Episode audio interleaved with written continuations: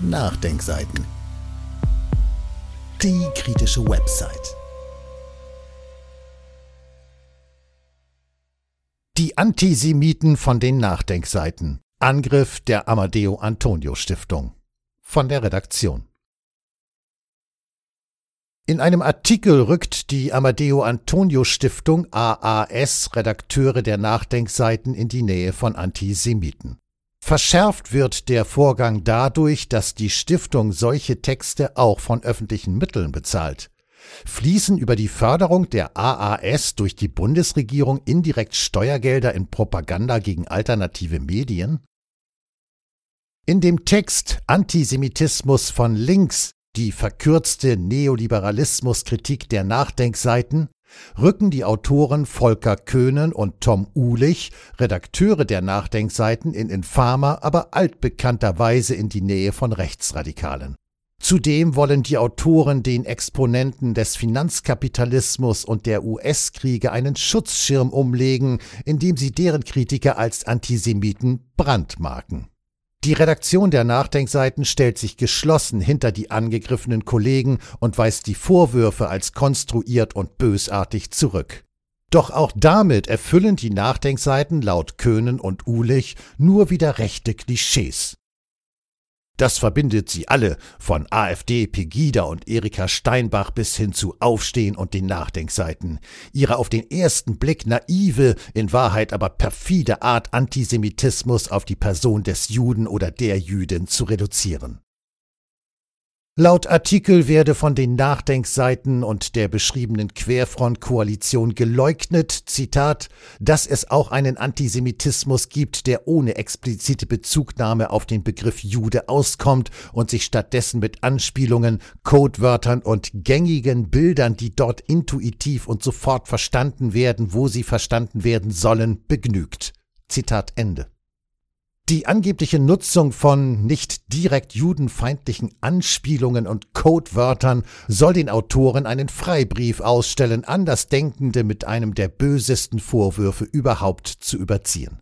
Mit diesem weit gefassten Freibrief zur Diffamierung ausgestattet, versammelt der Text anschließend zahlreiche gängige Floskeln, mit denen aktuelle pseudolinke Akteure ihre Kritiker diffamieren wollen. Von der verkürzten Kapitalismuskritik über die antiamerikanischen Verschwörungstheorien bis eben zur kodierten Judenfeindlichkeit. Der Artikel bewegt sich auf einem höchst verzerrenden und verleumderischen Niveau, darum soll hier nicht detailliert darauf eingegangen werden. Der Text ist politisch und intellektuell nicht zertifikationsfähig. Einige besonders schrille Zitate finden Sie weiter unten. Mit Steuergeldern gegen die Nachdenkseiten? Wer den Text in seiner ganzen umfangreichen Breite studieren möchte, kann dies hier tun. Dazu eine Verlinkung innerhalb des Artikels. Bell Tower News, das Online-Medium, das den Artikel veröffentlicht hat, wird im Übrigen von der Amadeo Antonio Stiftung AAS getragen. Die AAS wiederum wurde seit 2010 mit über drei Millionen Euro von der Bundesregierung unterstützt, wie diese laut Medien in einer Antwort auf eine kleine Anfrage der AfD angab. Bedeutet dies nicht, dass hier Geld der Steuerzahler indirekt in die Förderung von Kampagnen gegen alternative Medien fließt? Wer nun den Fakt moniert, dass auf eine in Teilen fragwürdig formulierte Anfrage der AfD Bezug genommen wird, der sollte bedenken, dass die Antwort der Regierung vom Fragesteller nicht befleckt ist. Zudem ist der Vorgang ein weiteres Beispiel dafür, wie der AfD Raum gelassen wird, um sich zu produzieren. Linke stellen sich vor Regierung und Finanzwirtschaft. Die AAS revanchiert sich für diese Regierungsförderung mutmaßlich in Form von einer systemerhaltenden und die Regierung gegen rechts verteidigenden Ausrichtung. Diese, die ökonomischen Grundlagen des Rechtsrucks ignorierende Stoßrichtung wird aktuell von vielen anderen angeblich linken Organisationen geteilt, wie die Nachdenkseiten kürzlich beschrieben haben. Auch dazu eine weiterführende Verlinkung innerhalb des Artikels. Ein Schwerpunkt der Arbeit der Nachdenkseiten liegt in der Analyse von eher im Hintergrund wirkenden politischen Faktoren. Neben der Abschirmung von Finanzwirtschaft und US-Armee gegen Kritik mittels der Antisemitismus-Taktik haben die Autoren ein weiteres besonderes Anliegen. Die Skandalisierung eben dieser Schilderungen von Interessengruppen, die jenseits der Demokratiefassade Politik durchsetzen. Diese Theorien zu verdeckter Einflussnahme und Manipulation werden von Köhnen und Uhlich als verschwörerischer Wahn bezeichnet. Entgegen ihrer Behauptung sind diese Theorien nicht neu, also kein Zeichen einer Zeit, in der das gesellschaftliche Ganze empirisch in seine Teile gesprengt ist. Wer nicht naiv oder korrupt ist, der hat auch schon vor 20 Jahren vermutet, dass es noch andere Machtfaktoren neben den gewählten Volksvertretern gibt.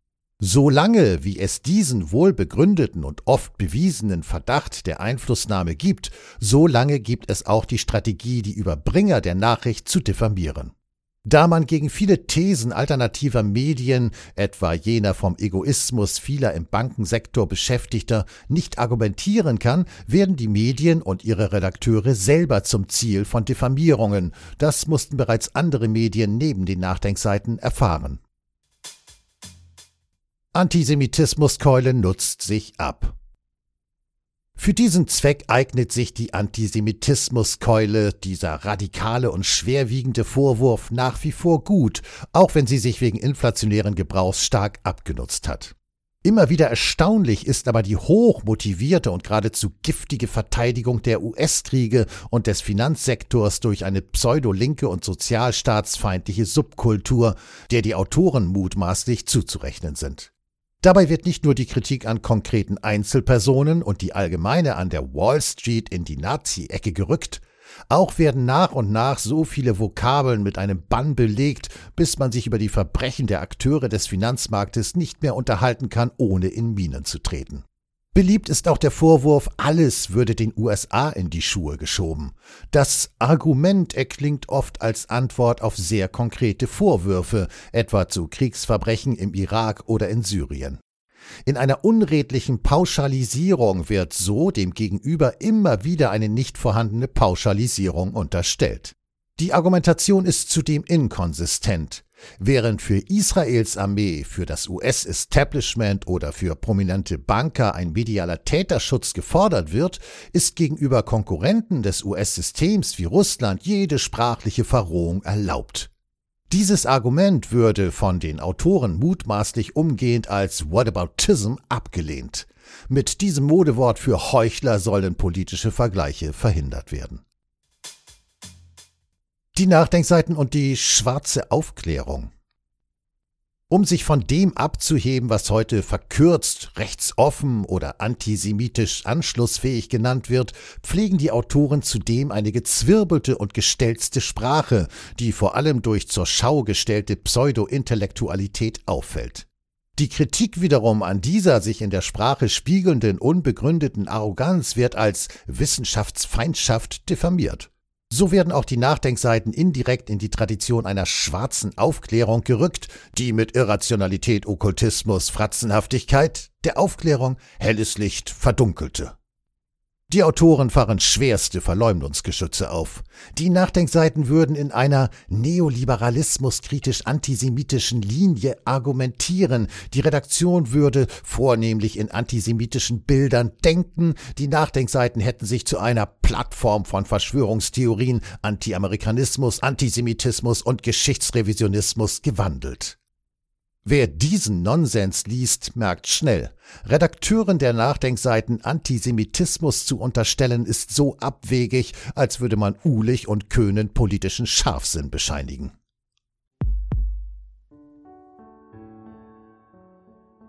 Dieses Audio konnte nur entstehen, weil zahlreiche Leser und Leserinnen die Nachdenkseiten fördern und durch Spenden unterstützen. Wenn Sie auch etwas tun wollen, klicken Sie einfach den entsprechenden Button auf unserer Website an. Übrigens, Sie können uns auch bei iTunes, SoundCloud und YouTube hören und wenn Sie mögen, gerne unseren Kanal abonnieren und eine positive Bewertung für uns abgeben.